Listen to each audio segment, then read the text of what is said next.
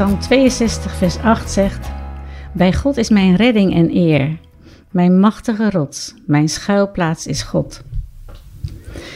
In onze overdenking over de koning zien zijn we beland bij een kant van de almacht van God en de betekenis van zijn grote verhaal, waarin zijn glorie centraal staat.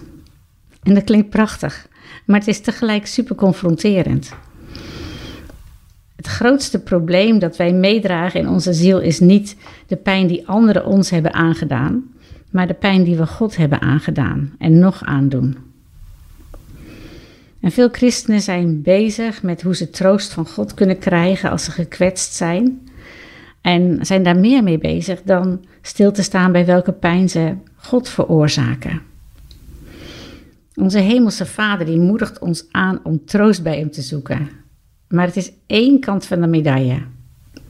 En ik herhaal dat het super belangrijk is om onze eigen pijn door te werken en troost en heling bij God te zoeken en te vinden. Een goed deel van mijn vrije tijd ben ik bezig als teamleider van de cursus Gebedspastoraat, waarin juist het herstel van het besef dat God een liefdevolle, betrokken vader is, die jou wil helen, zodat je vanuit zijn liefde kunt leven en die liefde kunt doorgeven, centraal staat. En tegelijk, hoe bezorgd zijn wij om wat we God aandoen? En bijvoorbeeld, iemand kwetst ons en we schieten direct in het oordeel over diegene en zijn wrokkig. Maar wat zegt God? Neem geen wraak, lieve vrienden.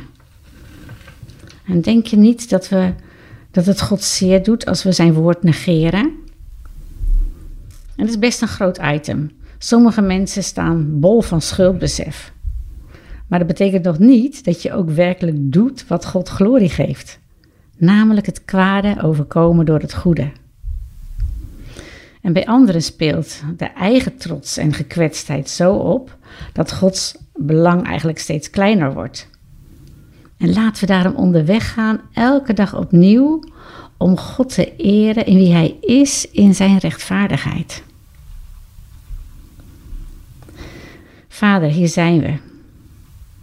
Vaak zo vol van onszelf, van onze trots of ons schuldbesef. Vergeef ons. We keren ons om om U te zien en U te volgen. Help ons om het goede te doen en zo alle glorie te geven aan U. Want al die glorie komt U alleen toe, U machtige Vader. Door Uw geest, wij prijzen U.